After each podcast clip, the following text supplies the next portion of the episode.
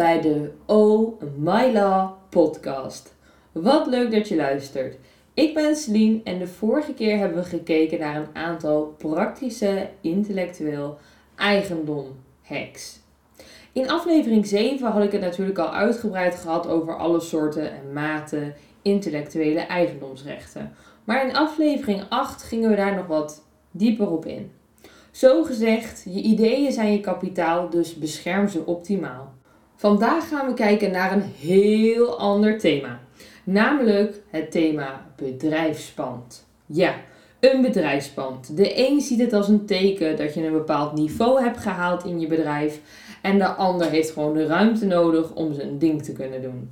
Bij vele ondernemers speelt de vraag: moet ik een bedrijfspand kopen of huren? En wat is in mijn geval de betere keuze? Dat is een hele goede vraag, want het antwoord verschilt natuurlijk per situatie.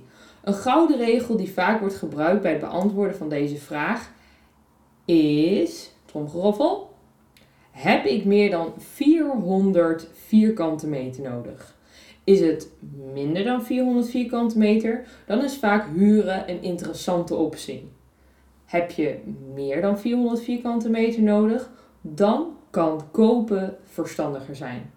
Maar goed, voordat we naar de juridische kant gaan van kopen en huren, zetten we eerst even wat koop- en huur voor- en nadelen naast elkaar. Een voordeel van huren kan zijn dat de investering lager is. Dus daar bedoel ik mee, als jij een pand aankoopt, dan moet je in één keer een bult geld ophoesten. Dat hoeft natuurlijk niet als je gaat huren. Huur kan ook service- en onderhoudsvoordelen met zich meebrengen. Met huur ben je daarnaast ook flexibeler. Het is vaak, niet altijd, uitzonderingen daar gelaten, makkelijker om van huurpand te switchen dan dat je een pand zelf hebt gekocht. En als laatste, je doet natuurlijk niet mee met de vastgoedgekte in beginsel. Maar ten aanzien van de huurdersmarkt zie je ook dat daar steeds hogere prijzen gevraagd worden. En dat is dus ook een afweging die je zelf dient te maken. Ben ik klaar voor die grote investering? Kan ik het maken? Wat zijn voor mij de voordelen? Maar daar komen we zo meteen nog even op terug.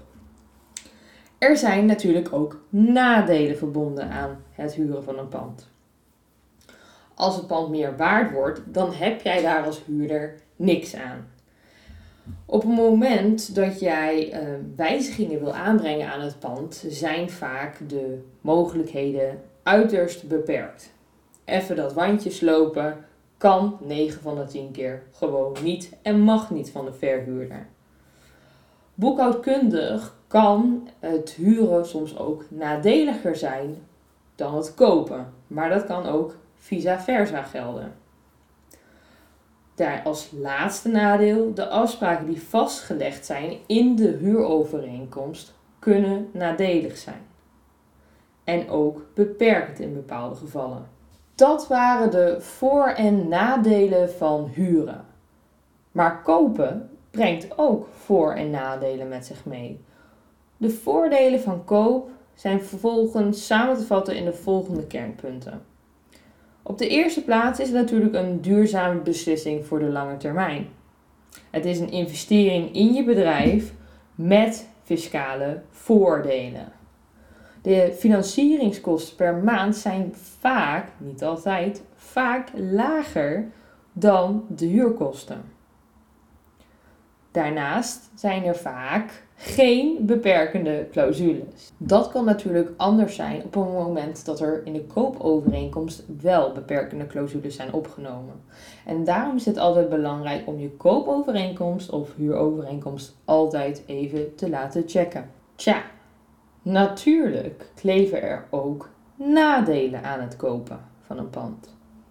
De waarde namelijk van je pand is marktafhankelijk. Dat kan soms een voordeel zijn, maar kan ook zeker een nadeel zijn.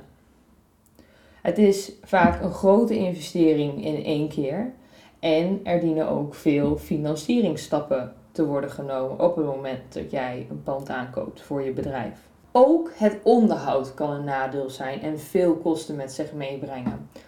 Waarschijnlijk heb jij al zelf een aantal voor- en nadelen voor jouw geval op papier gezet. Wat is voor mij belangrijk? Wat zijn daarbij de voordelen voor mij voor huur? Wat zijn daarbij de voordelen van koop? En aan dat lijstje wil ik eigenlijk het volgende even toevoegen. Je weet, ik ben natuurlijk van het verwachtingsmanagement. De verwachtingen moeten duidelijk zijn vooraf, maar moeten ook worden gecheckt op het moment dat je natuurlijk met een partij in zee gaat. Nou, op de eerste plaats is, zijn er een aantal vragen. Wat zijn jouw verwachtingen van het pand? Op de eerste plaats, waar moet het pand aan voldoen? Hoeveel ruimte heb je nodig? Hoe zit het met de bereikbaarheid? Wil jij een moderne of klassieke look en feel? En in welke mate is service voor jou van belang?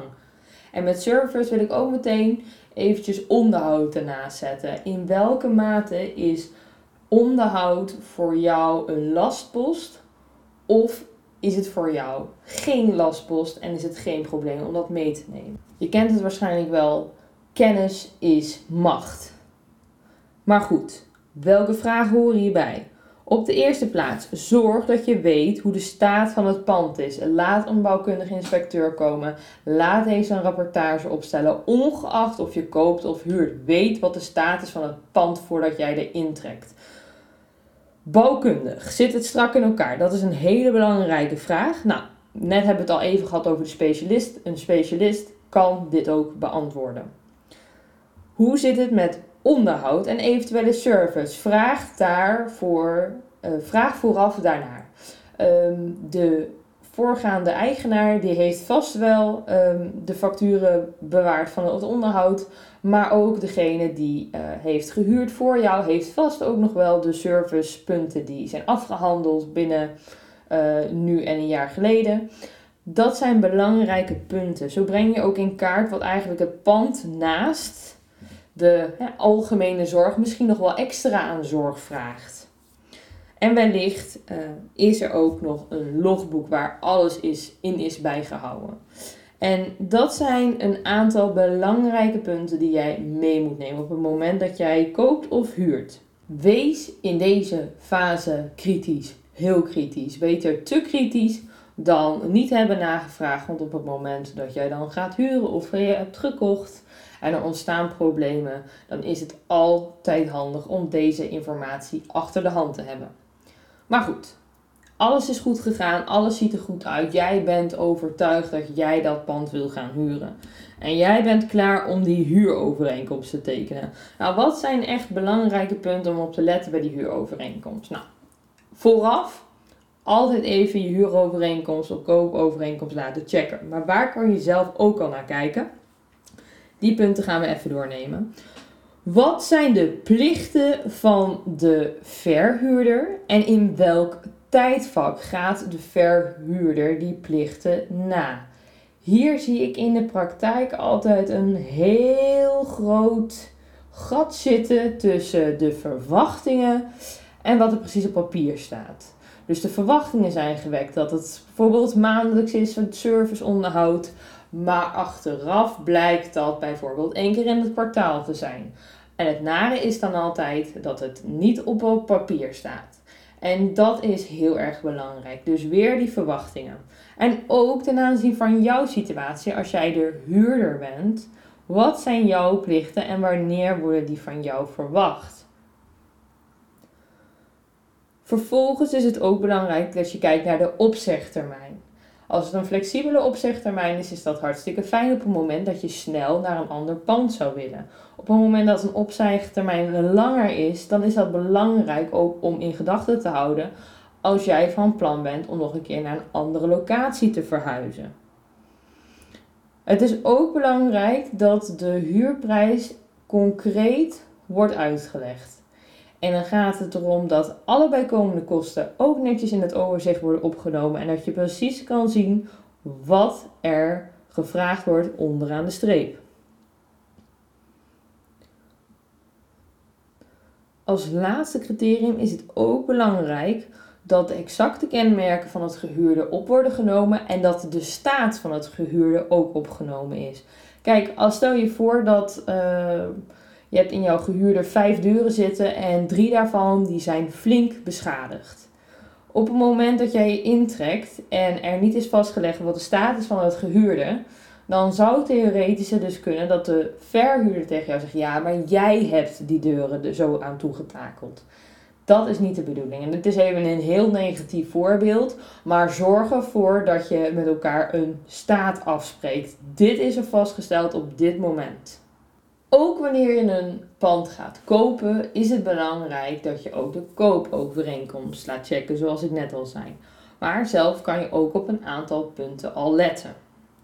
In een notendop. Op de eerste plaats komt de inhoud van het contract ook overeen met verwachtingen en groeimogelijkheden die je voor jezelf hebt gesteld in de komende 10 jaar. Hier bedoel ik mee dat je kijkt van oké, wil ik werknemers hebben? Ja of nee? Is het pand groot genoeg? Ja of nee? Komt iedereen met een space shuttle of een auto? Is daar genoeg plek voor? Hoe ga ik het aanpakken? Hoe bewaar ik hier mijn administratie? Is er wel een opslaghok? Is er geen opslaghok nodig? Misschien doen we alles digitaal. willen we eigen service? Is daar ruimte voor? Willen we nu niet eigen service, maar over vijf jaar eigen service? Het is heel belangrijk dat jij je eigen groeiplan ook naast het bedrijfspand zet. Is het, laat ik zo zeggen, is het omhulsel het pand dan groot genoeg voor jou om de komende 10 jaar bijvoorbeeld te groeien? Ook een hele belangrijke vraag. Wat zijn de exacte kenmerken van het pand? Hoe groot is het pand? Zijn er nog historische elementen? Wat is hier belangrijk?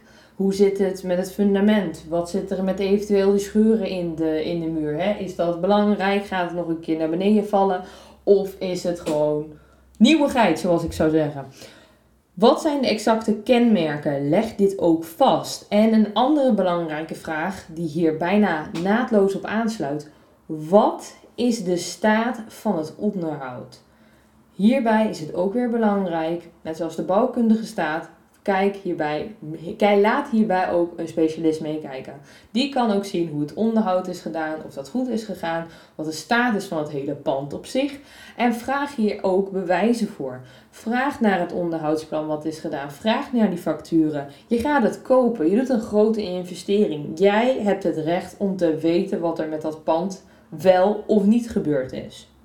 Verder is het ook belangrijk om te kijken of de doeleinden die jij hebt met het pand ook passen binnen bijvoorbeeld het gemeentelijke kader wat gegeven is. Check dat altijd. Verder is het ook belangrijk dat je kijkt met naar het punt hoe is de bereikbaarheid en hoe is dat nu geregeld, maar ook hoe gaat dat in de toekomst geregeld worden. Want ik kan mij voorstellen op het moment dat al jouw uh, klanten bijvoorbeeld uh, met de fiets zouden komen en die straat gewoon dicht wordt gegooid omdat het een. Uh, wat zullen we ervan maken? In één keer een, een N-weg moet worden. wat je nooit zo gewoon in Nederland zou voorkomen. Maar goed, hè, even een gek voorbeeld ja, dan is het wel belangrijk om te weten. En op het moment dat jouw klanten bijvoorbeeld met de auto komen en jouw personeel ook met de auto komt en het wordt in één keer een fietspad, ja, dat is wel knap lastig als iedereen met de auto normaal komt. Dus dat zijn allemaal punten waar je aan moet denken. En wat zijn ook de mogelijkheden eventueel van uitbreiding? Mag je eraan bouwen? Mag je niet aanbouwen? Uh, slopen kan dat wel? Allemaal dat soort dingen zijn belangrijk. Ook een heel belangrijk punt, en dat wordt vaak wel vergeten bij bedrijfspanden, is: zijn er eventuele erfdienstbaarheden? Dus kijk daar ook gewoon naar en vraag er ook vooral naar.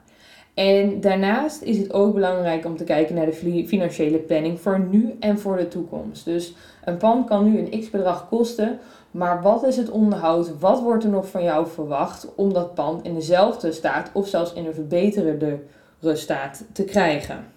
Onthoud goed. Heb jij vragen over het contract van je toekomstige bedrijfspand? Wij kijken graag de overeenkomst met jou door, of het nu gaat om een huurovereenkomst of een koopovereenkomst.